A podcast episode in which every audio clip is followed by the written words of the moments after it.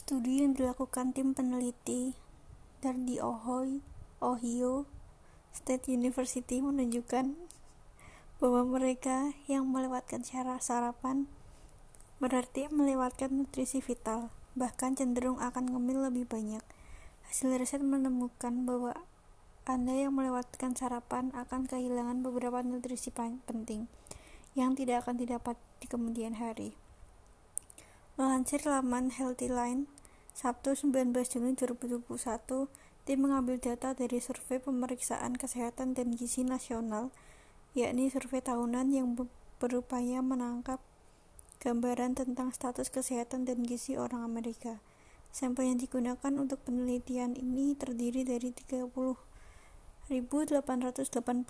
orang dewasa berusia 19 tahun ke atas yang telah berpartisipasi dalam NHANES antara 2005 sampai 2016 untuk menentukan siapa yang melewatkan sarapan mereka melihat data makanan yang telah diselesaikan oleh para peserta survei selama 24 jam